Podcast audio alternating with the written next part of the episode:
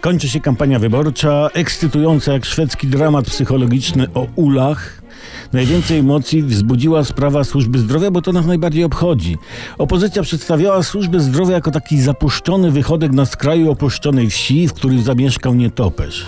Podkreślała, że leki drogie, kiepskie żarcie w szpitalach, długie kolejki, brak wszystkiego, lekarzy, sióstr. Chory to powinien przychodzić do szpitala najlepiej z własną pościelą, własnym jedzeniem, własnym lekarzem i własną siostrą.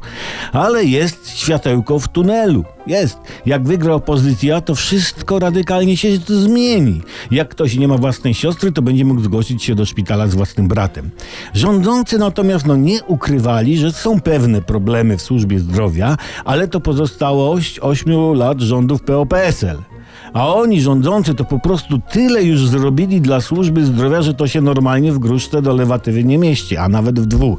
No i obie strony obiecują, że jak wygrają, to po prostu to, to służba zdrowia tak przyspieszy, że my nie nadążymy chorować. Tak nas szybko służba będzie leczyć. Doktory z siostrami to po domach będą chodzić w poszukiwaniu chorych.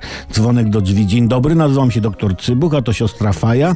Czy, czy panu coś dolega? No, no nie. No to doktor Pierdut kolesia baseballem. Jak nie, jak ma pan rozbitą głowę? Siostro Bacen. Pamiętajmy przed wyborami, że że nigdy nie jest tak źle, jak mówi opozycja, ale też nigdy nie jest tak dobrze, jak mówi rząd.